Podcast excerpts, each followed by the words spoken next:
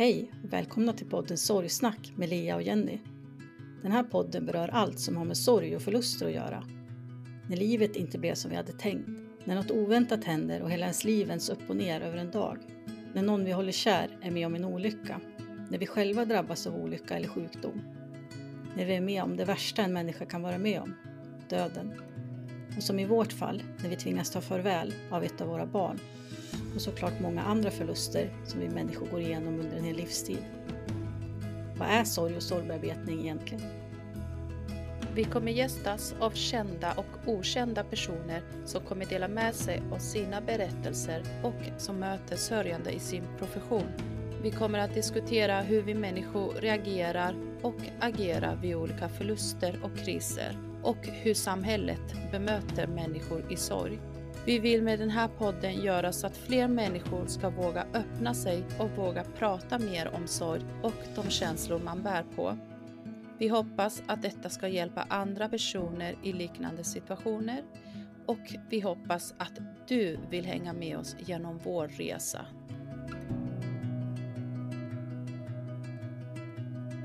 Hej och välkomna till ett nytt avsnitt av Sorgsnack med Lia och Jenny. Idag tänkte vi spela in ett avsnitt som vi har valt att döpa till Hur läcker man ett brustet hjärta? Vi kommer att prata utifrån våra egna erfarenheter och det som har hjälpt oss att ta oss igenom vår sorg, men också prata kring lite hur vi vet att folk som vi har varit i kontakt med och träffat som har förlorat en närstående många gånger har sagt att de känner och tycker. Och eh, vi tänkte att vi skulle helt enkelt beröra några av de här olika ämnena som vi tycker är viktiga. Ja, Lea, vad, vad känner du har varit mest hjälpsamt för dig i, i din sorgeprocess? För mig personligen så skulle jag nog säga att eh, nummer ett har ju varit att jag har kunnat kommunicera utåt där jag eller vi har gått igenom och främst då kanske det jag upplever och hur jag mår, just det här att få prata om det, för kommunikation är ju verkligen A och O. Så det är jätteviktigt att oavsett vilka förluster och sorger som man går igenom, att man får prata om det, att det finns en mottagare. Det behöver inte vara någon som sitter där och säger att jag förstår precis hur du känner, hur du mår och jag kan relatera till det här. Utan snarare det viktiga är bara att det finns någon som lyssnar. En mottagare, någon som bekräftar. Någon jag känner att jag kan bara, ja, mår jag dålig, det ska vara helt okej okay att jag sitter och mår dålig och pratar om det. Eller bara har någon som håller om en, någon som kramar mig när jag är ledsen. Och utöver att få kommunicera mina känslor, just det här med att få sätta ord på det, vad det är jag känner, vad det är jag går igenom och även få det på print. Att jag får skriva om mig mycket, det har hjälpt mig. Att få skriva och att få prata om det. För det hjälper ju ingen, ännu mindre mig själv, att stänga in allting. För det mår jag ju inte bra av. Eh, så jag måste få vara precis som jag är och som jag vill vara i min sorg och få sörja precis som, som jag vill. Utan att det ska finnas någon där som ställer orimliga krav på mig eller ställer ultimatum eller säger att men nu räcker det, som ska sätta liksom deadlines på hur länge jag får sörja, eh, som ska komma med riktlinjer, liksom sörj på det här sättet, gör si, gör så. Det är big, big no. Och det tror jag inte funkar för någon.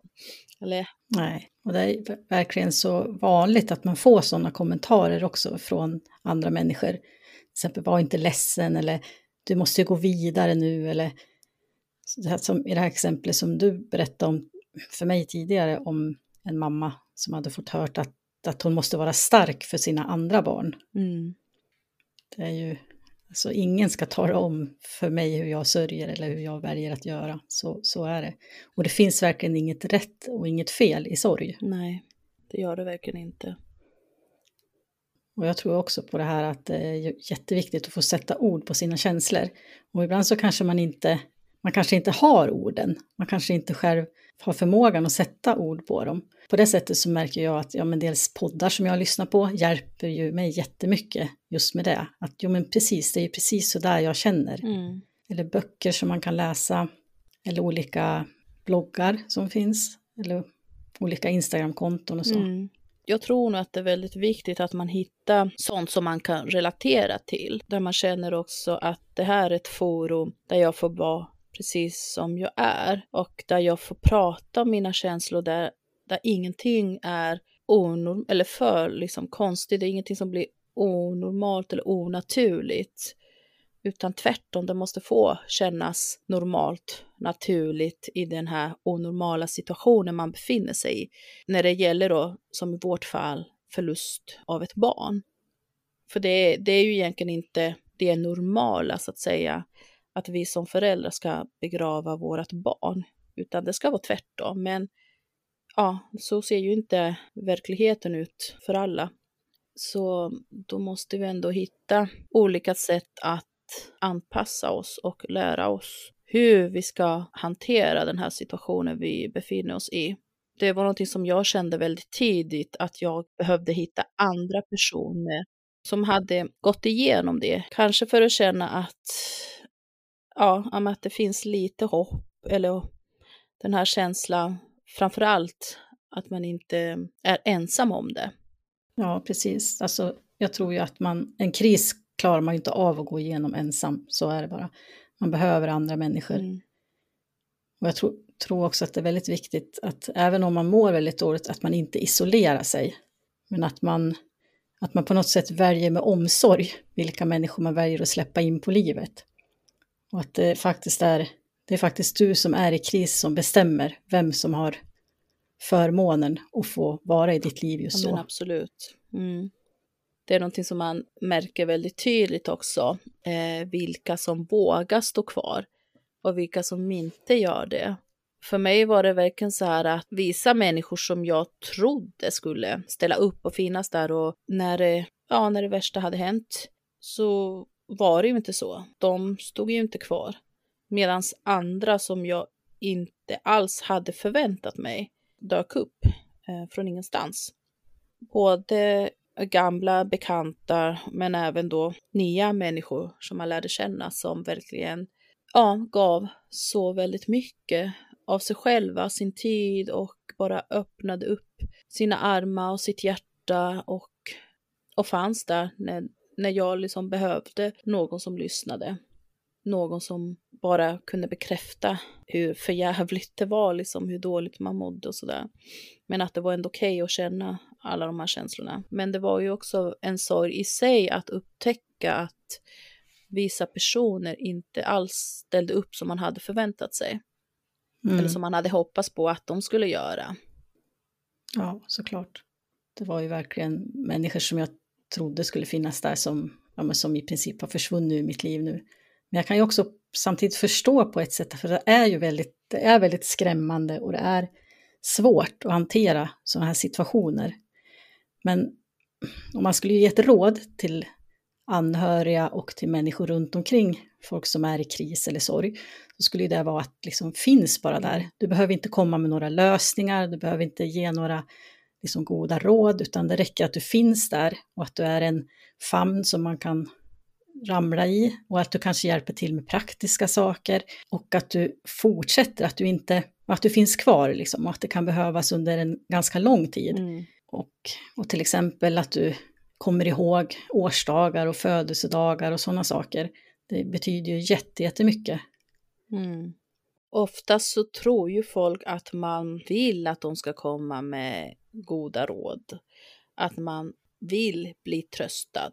Men det är sällan det är så faktiskt. Mm. Det, det, man behöver är ju bara att få finnas till, precis som man är och att man vet att det finns folk där ute som bryr sig om en, som vill ens bästa och som ja, bara lyssnar. Det absolut värsta för en som är drabbad, det är ju undvikande och tystnad. För att det gör verkligen så ont. Och det är det man kommer komma ihåg sen, vilket är ju lite tragiskt egentligen, men så är det ju för mig, för jag minns ju mer de personerna som undviker och inte sagt någonting än de som faktiskt kom fram till mig från dag ett och sa någonting. Första veckan när jag var tillbaka på jobbet. Jag kan inte säga att jag kommer ihåg de som kom fram till mig och gav mig en kram och sa någonting speciellt så. Men däremot kommer jag än idag ihåg alla de som, som inte har gjort det. Som undvek mig och fortsatte med det. Och som än idag inte har sagt någonting som har låtsas som, ja, som att det regnar. Och mm. det, gör, det svider faktiskt. Det gör ont, framförallt när det handlar om människor som man ändå trodde skulle säga någonting eller finnas där på något sätt. Sen är det ju också så att vi, vi som har förlorat någon, vi vill ju jättegärna prata om den här personen, oavsett om det är ett barn eller en mamma eller en pappa eller vad det nu är, så, så vill man ju det. Det finns en undersökning som man gjorde i USA för några år sedan. Den säger att 94 procent av alla som har förlorat någon vill prata om det. Mm. Så det, majoriteten vill ju det faktiskt. Även fast människor, människor har ju någon bild av att man, jag vill inte påminna, jag vill inte väcka upp liksom de här känslorna mm. hos den här personen. Eller, men, men man kan inte påminna, det går inte för att vi lever med det här hela tiden. Vi har inte glömt och vi kommer Nej. aldrig glömma. Nej. Nej. Däremot genom att prata, det, det, är ju, det är ju liksom det enda vi har ju kvar.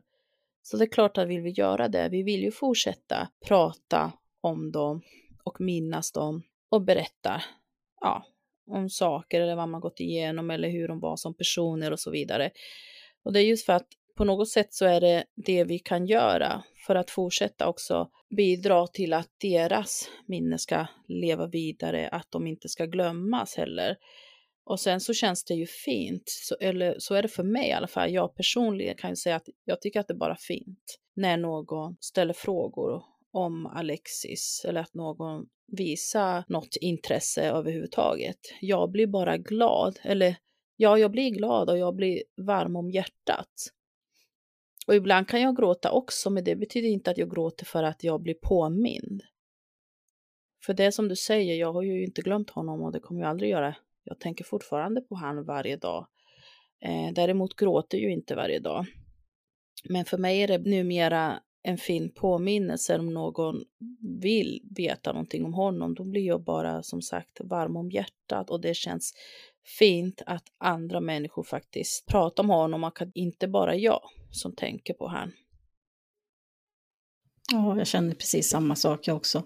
Ibland så får man ju ja, men något litet meddelande eller en, en, en, video på Felix eller ett foto på han av, av någon av hans kompisar eller bara någon som åkt förbi hans grav eller minnesplatsen mm. uppe i, mm. i olycksplatsen. Och att, eh, alltså jag blir ju verkligen jätteglad. Och som du säger, man blir varm om hjärtat. Mm. För att han inte, det betyder att han inte är bortglömd, att någon tänker på honom. Och, och det är ju som sagt det enda vi har ju kvar av våra barn. Ja, precis. Alltså just minnena och allt vi har upplevt. Som du säger då, någon åker förbi till graven och tänder ett ljus och så. Det är ju den platsen vi kan åka till där vi kanske känner oss lite närmare våra barn eller där liksom en fysisk plats som vi kan gå till och det är den enda platsen. Vad man än liksom tycker om det så. Eh, för vissa kan ju tycka det är ändå fortfarande jobbigt och då kan det kommer alltid vara jobbigt att behöva åka till en kyrkogård för att hälsa på sitt barn. Eh, eller hur man väljer liksom att se det, uttrycka sig. Jag brukar ju säga så att jag åker till kyrkogården och hälsar på Alexis. Samtidigt mm. så behöver jag inte göra det för att liksom tänka på honom eller hedra honom eller tända ett ljus. Det kan jag göra hemma också. Men på något sätt så är det ändå den sista platsen jag fick se honom. Så. Mm. Um, även om det var på det sättet det var genom att sänka hans lilla kista ner i jorden. Men det var liksom den sista, det är ju den sista bilden jag har såklart. Så det är ändå på ett sätt speciellt. Eh, både speciellt fint men också såklart väldigt sorgligt. Ja men du förstår. Mm. Eh, sen tänker jag att det här, jag menar att kunna kommunicera och, och prata med andra människor och få, alltså att någon lyssnar på en. Om man inte har någon i sin närhet som man känner att man har den relationen eller det förtroendet för eller så, så finns det ju väldigt många grupper både på, ja, men på Facebook och det finns massa hemsidor och det finns många föreningar. Och jag tänker att vi kanske skulle kunna eh, lägga upp lite sådana här äh, länkar på, i beskrivningen på, av det här poddavsnittet. Så att, så att folk kan hitta till lite olika ställen. Ja men absolut. Och alla de här grupperna, det är så värdefullt. Eh, och även om man önskar att det aldrig hade behövts, att man inte hade behövt ha alla de här grupperna, så är det så, så himla viktigt att de finns. Mm. Många kan ju kanske ha lättare att prata med någon som är helt utomstående, dels i de här grupperna, men sen finns det ju också många som får hjälp, till exempel från kyrkan av en diakon eller eh, en sjukhuskurator eller mm. Som jag, jag har gått både hos en samtalsterapeut och sen har jag gått en traumabehandling i någonting som heter EMDR. Och det har ju hjälpt mig jättemycket. Det finns ju väldigt mycket professionella, duktiga människor där ute som kan hjälpa en i sorgen. Jo, men verkligen. Och sen har vi också alla de här handledarna i sorgebearbetning som mm. också gör ett helt fantastiskt jobb. Och där i sorgebearbetningen så kommer ju många av de här delarna som vi har pratat om nu med kommunikation och få bli lyssnad till och hörd och få uttrycka sig och sådana saker. Mm. Och att man också där, så där trycker man ju väldigt mycket på det här att du har rätt. Du har rätt att sörja, du har rätt att vara som du är, du har rätt att vara ledsen om du vill det, du har rätt att vara glad om du vill det. Ja. Som, som jag sa tidigare, det finns inget rätt eller fel i sorg. Nej, du är ju ägare av den och bestämmer ju liksom själv precis ja, hur man vill göra. Sen tänker jag också på det här som du, när du pratar lite om, om Alexis grav och så, vad den betyder och eh, att det är ju, på mig, för mig så är det på något sätt, alltså skapa ritualer kring saker, till exempel att jag har ett, ett minnesbord här hemma för Felix där jag har lite foton på han och lite av hans personliga saker, ett par solglasögon och en snusdosa som var hans och, och att jag tände ljus där. Nu tänder jag inte varje kväll, men jag försöker tända ofta och, och jag tänder ju alltid vid sådana här speciella tillfällen. För då känns det lite mer som att, han, som att han är med på något vis. Jo, men så är det också för oss här hemma. Vi har ju också ett minnesplats för Alexis med bild och, eller bilder, eh, ljus. Ja. För mig så är det som att, man, att jag ger sorgen ett rum på något vis. Och att mm. den får ta plats i mitt liv. Och det tror jag är viktigt. Just, just i min process så har det varit väldigt viktigt. Och sen en annan sak, det är också så här att man att det kan vara bra att försöka skapa någon sorts mening mitt i all meningslöshet. Att man kan till mm. exempel engagera sig i en förening eller man kan göra, hjälpa till med någonting ideellt. Eh, Röda Korset eller eh, vara stödperson åt ett utsatt barn till exempel. Att man, man använder sin tid till att skapa mening för andra människor och att det också kan vara väldigt läkande. Ja. Jag vet som, som mina föreläsningar som jag gör på trafikskolor och för ungdomar på olika sätt, eh, det skapar ju verkligen mening för mig. Att jag kanske kan rädda någon ifrån att, från det här ödet som vi har gått igenom. Eller som vi gör nu, att vi startar en podd. Det är också ett sätt för oss att skapa mening. Verkligen. Eller skriva en bok eller skriva dikter till exempel. Eller ja, gå, gå kurs i sorgbearbetning och bli en sån handledare själv. Det är ju många som, som gör det. Ja, jag kände också väldigt tidigt att någonting bra måste komma ur allt det här eländet som man går eller gått igenom. Att Alexis död inte ska ha varit förgäves eller bara, inte bara något negativt utan att det skulle få något, en annan betydelse också. Någonting positivt om man nu kan säga så. Att någonting positivt ska komma ur allt det här. Men någonting som ändå skulle kännas bra och viktigt. Lyfta de här viktiga frågor när det gäller döden och förlust av ett barn. Ja, att göra det mindre tabubelagt och att vi ska våga prata mer om det. Att belysa det och förhoppningsvis få en förändring liksom långsiktigt. Att man ska kunna bidra till en förändring i samhället det kändes jätteviktigt för mig. och känns fortfarande viktigt såklart. Och det är därför också jag har valt att göra det här som du säger med både podden och mitt arbete med sorgkonsulting som handledare i sorgbearbetning. För jag vet hur värdefullt det är och hur mycket man verkligen behöver det och behöver liksom få rätt hjälp i rätt tid så att säga, när man befinner sig där mitt i det värsta. I mitt fall så var det ju en, en mamma som hade förlorat sin son ungefär ett år innan Felix gick bort som kontaktade mig samma dag som hans olycka. Eh, och hon betydde ju oerhört mycket för mig. Att hon fanns där och hade gått igenom det här eh, som jag gick igenom då. Att hon stöttade mig och hon, hon hörde av sig och hon skrev liksom det också att nu kommer jag höra av mig till dig regelbundet bara så att du vet det, för jag vill checka av hur du mår. Och att, alltså att få det stödet, det har ju varit så enormt värdefullt för mig. Och idag så är vi ju jättefina vänner hon och jag. Ja, nej, hon betyder supermycket. Men vad fint att hon sa så också, tänker jag. Att hon kommer fortsätta höra av sig, att hon kommer fortsätta tjata på dig. Eh, för det är det man behöver. Ja, absolut. Det är ju inte det här de som säger ring om det är något, hör av dig om du behöver något. Nej, det är ju inte vi som befinner oss i sorg som ska utöver allt annat få det på oss också, utan vi behöver folk där ute som själva tar det ans alltså initiativet att faktiskt, om de säger att de ska ringa, att de gör det. Om de säger att de ska komma förbi, att de faktiskt dyker upp. Mm. Så ni som lyssnar på det här, det är helt okej. Okay. I den här situationen är det helt okej okay att tjata, tjata, tjata, var tjatig. Eh, det behöver vi. Sen tror i alla fall jag att i början när man alltså i första stadiet av krisen eller traumat som man går igenom så, så kan det vara bra om man klarar av att eh, hålla fast vid i alla fall några rutiner som man har i livet.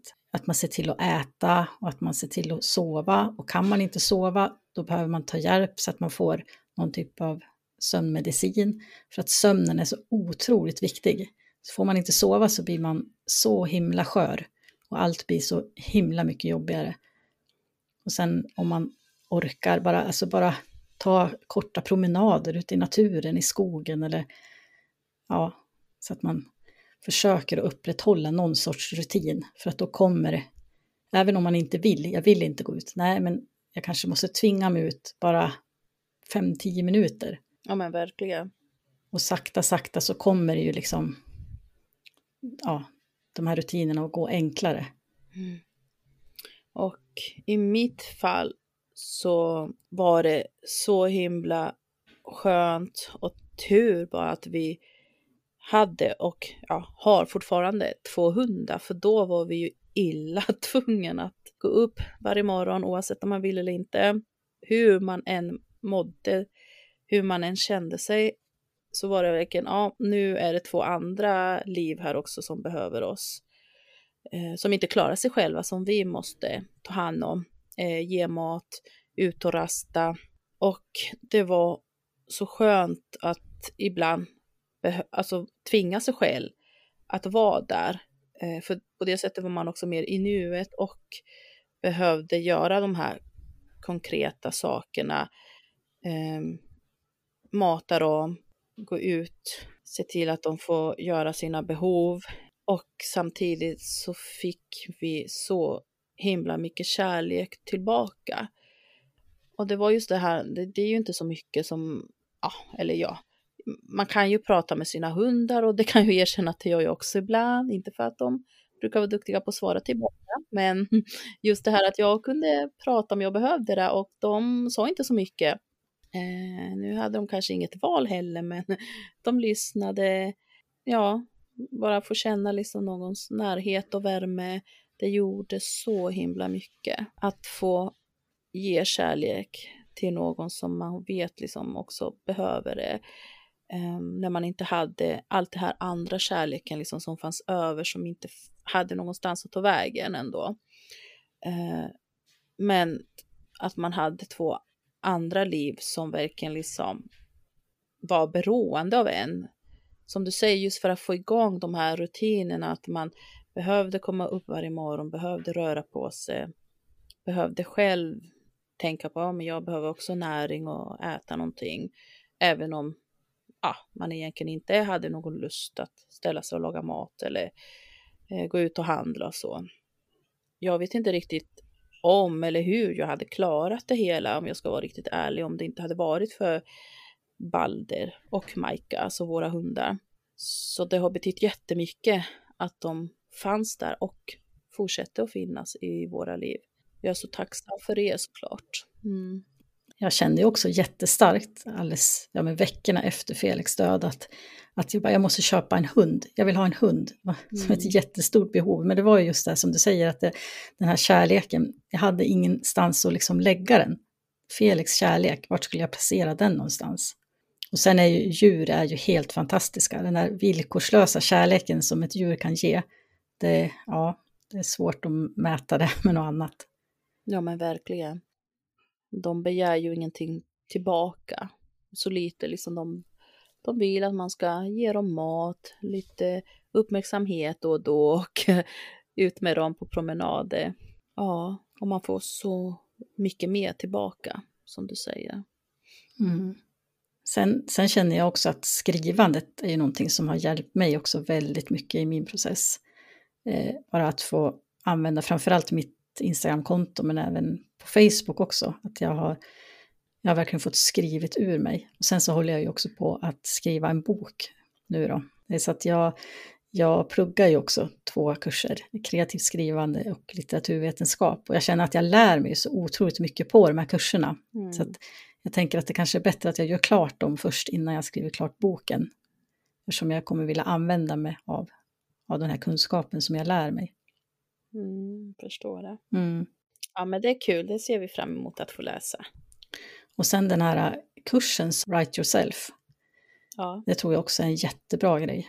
Mm. Och där får man ju också då lära sig, alltså sätta ord på sina känslor. Just det som är så viktigt. Mm. Jag har ju alltid också skrivit mycket. Och det var också en av de sakerna som har hjälpt mig, eh, som är en del av min sorgbearbetning just att få skriva om mig. Eh, oavsett om det är att skriva en dagbok eller att skriva på Facebook eller Instagram. Med bara att få, få sätta ord på det man känner och det man har gått igenom. Ja. Det som många gånger kommer på tal eh, när jag träffar människor som befinner sig i sorg med, i mitt arbete som handleder sorgbearbetning.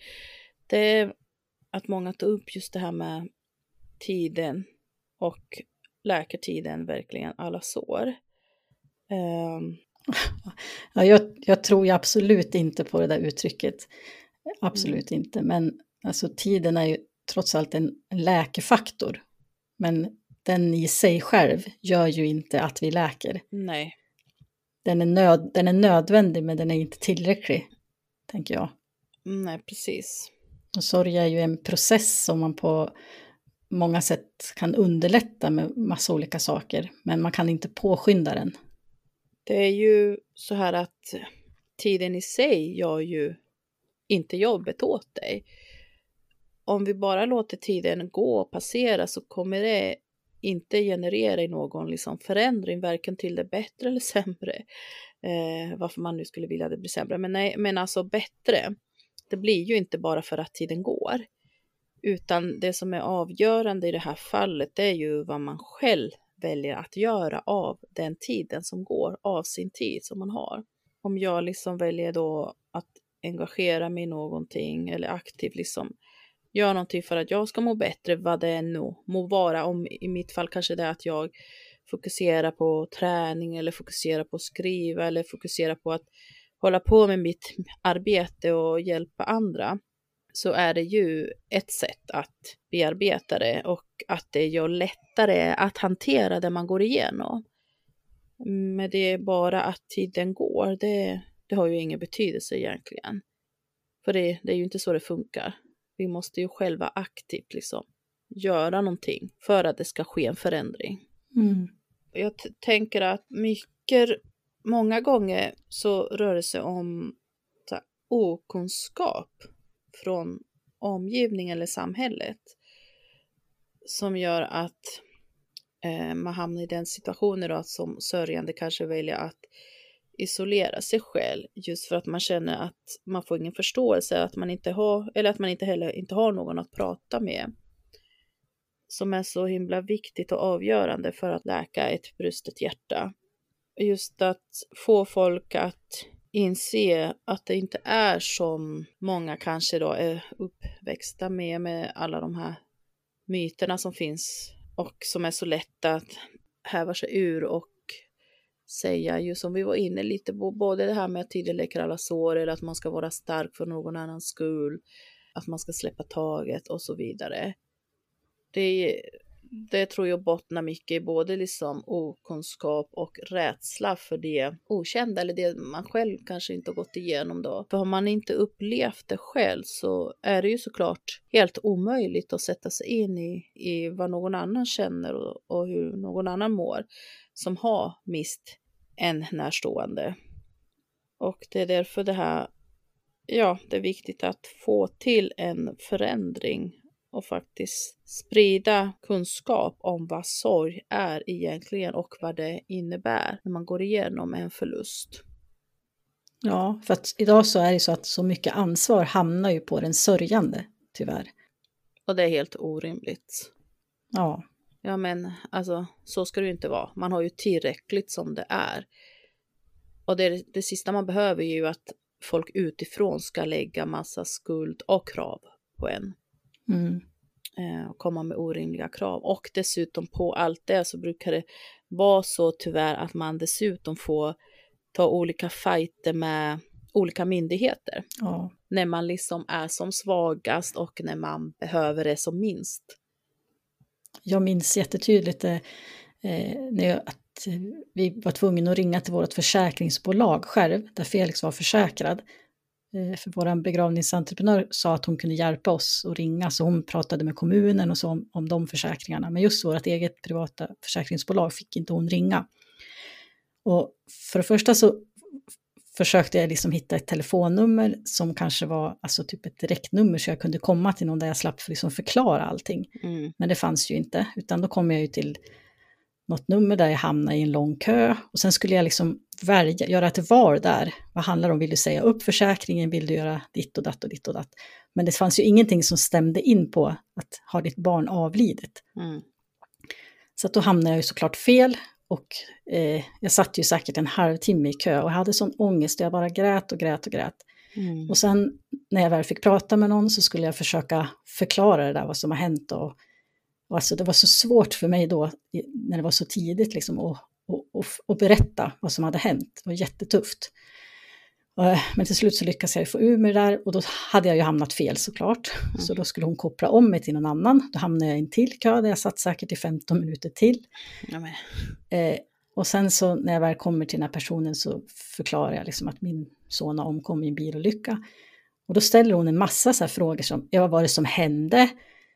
Eh, hur gick det till? Var, liksom, jag, alltså jag, till slut så bara, till slut bara, jag, jag kan inte liksom skicka med en blankett eller någonting, jag kan inte liksom jag, jag, vet ingenting.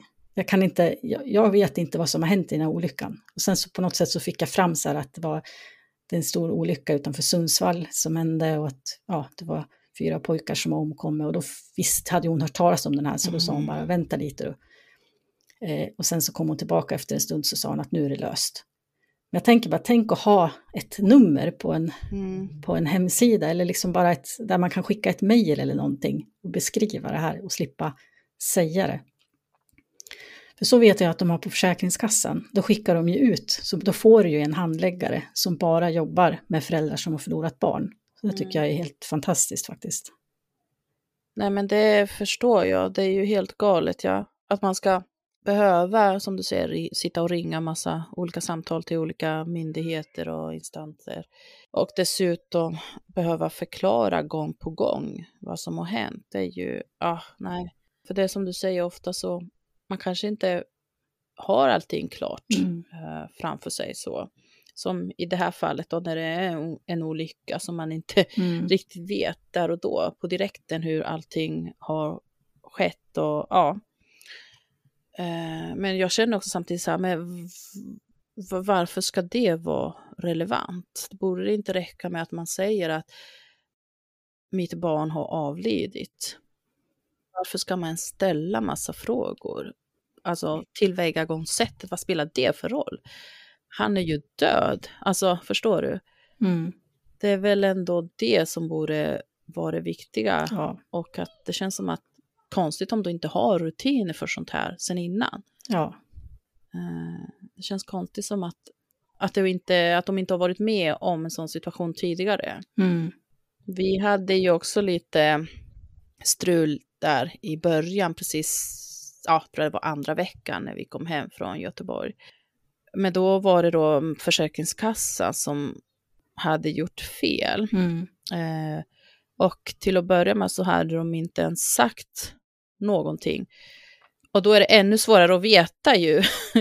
Eh, för det var så här att läkaren på plats som dödsförklarade Alexis fyllde ju i de här papperna som skulle till Försäkringskassan. Och de tog ju på sig ansvaret och skulle sköta allt det där och skicka och rätt eh, också eh, sjukskrivning och så vidare. Men sen visade det sig då när vi kom hem att det hade blivit fel. Men det var ju ingenting som Försäkringskassan hörde av sig om, att det hade blivit fel, utan det upptäckte vi ju tack vare, eller på grund av att månaden därpå så fick jag ju noll kronor i ersättning och noll kronor i lön. Så det var verkligen så okej, okay, mm, på allt det här så hade man ing, alltså inga pengar heller och då skulle man planera en begravning dessutom och ha råd med allt det, vilket vi inte hade. Eh, men ekonomi blir ju också drabbad såklart.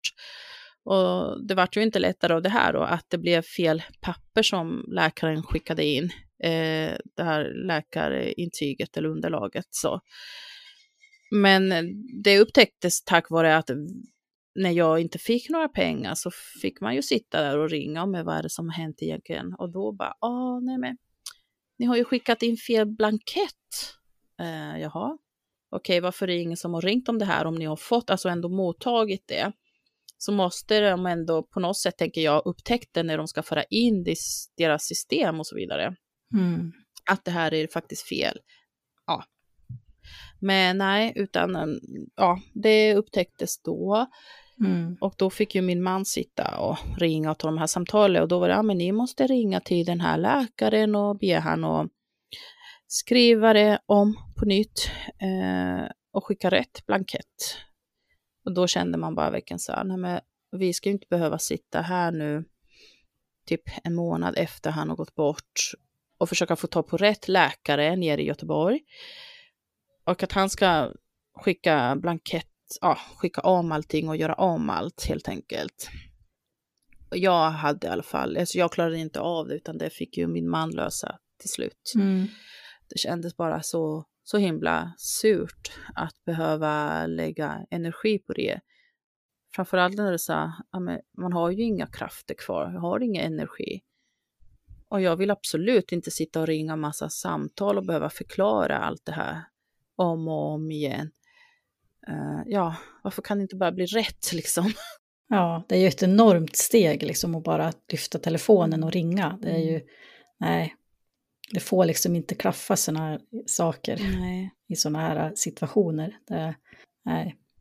Och det, man har ju hört så många historier om sådana här liknande situationer om en försäkringskassa och, och försäkringsbolag och annat så. Så det är ju tyvärr jättevanligt ju. Mm. Eh, ja, så man önskar liksom man bara slapp allt det här strul eh, runt omkring. För det är det sista man behöver. Man ska inte behöva ta allt det. Eh, och då tänker jag att, som sagt, vi är ju inte de första eller de enda tyvärr Nej. som kommer drabbas av det här heller. Utan, och det har nog varit många innan oss också. Att det borde finnas liksom tydligare och bättre rutiner för sånt. Alltså oavsett vilka samtal man nu behöver liksom ringa och avsluta olika, vad det nu kan vara, eh, när någon går bort. Eh, olika prenumerationer eller försäkringar, ja, och så vidare. Varför ska det vara så krångligt, tänker jag. Mm. ja, ska vi försöka sammanfatta lite av det vi har sagt då? Det som har hjälpt oss. Ska du börja? Mm. Ja, dels är det ju det här med att vi att man verkligen får en möjlighet att sätta ord på det man känner och att få kommunicera det till, till andra människor och uttrycka sin, sin sorg och sina känslor och sina tankar. Och att få bli bemött i, liksom bara av omtanke och kärlek i det här. Och sen så har det också hjälpt mig mycket, alltså bara att nå en sorts acceptans för det som har hänt och att, jag, att lära sig att liksom acceptera att Felix är död och att han är borta och att han aldrig kommer tillbaka. Det har också varit väldigt viktigt för mig. Mm. Sen den här gemenskapen med andra människor, att vi ja, men till exempel kan gå med i grupper där vi kan möta andra människor som har varit med i liknande situationer som oss. Det är väldigt viktigt.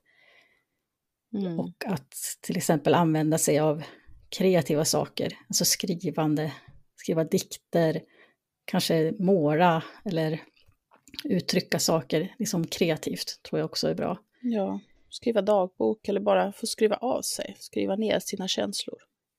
Mm. Sätta ord på det, ja. Och sen förstå att, att sorg behöver tid, men att tid ensamt inte är en faktor för läkande, utan att du behöver mm. fylla den här tiden med någonting bra, meningsfullt, någonting för dig själv och att du ger dig själv tid. Mm. Och att inte, att kanske inte, alltså att inse att sorg tar tid, du, du kan inte stressa dig igenom det. Nej, verkligen inte. Och det finns framförallt inga genvägar i sorgen heller. Nej, precis. Och att verkligen, jag vill verkligen trycka på det igen, att det finns inga rätt eller fel i sorg. Det är dina behov, det är vad du känner, det är vad du tänker och tycker som är viktigt. Mm. Det är du själv, det är bara du som kan avgöra det, vad du behöver och även vad du behöver men även vilka personer du behöver ha runt omkring dig och vilka du känner att men de här tillför kanske inget bra, inget positivt just nu. Och då ska man inte behöva känna sig tvungen heller, utan man avgör själv hur man vill ha det runt omkring sig också, tänker jag. Mm, jätteviktigt. Man måste våga säga ifrån, man måste våga stå på sig och man ska inte, man ska inte behöva ta skit från någon, tänker jag. Nej.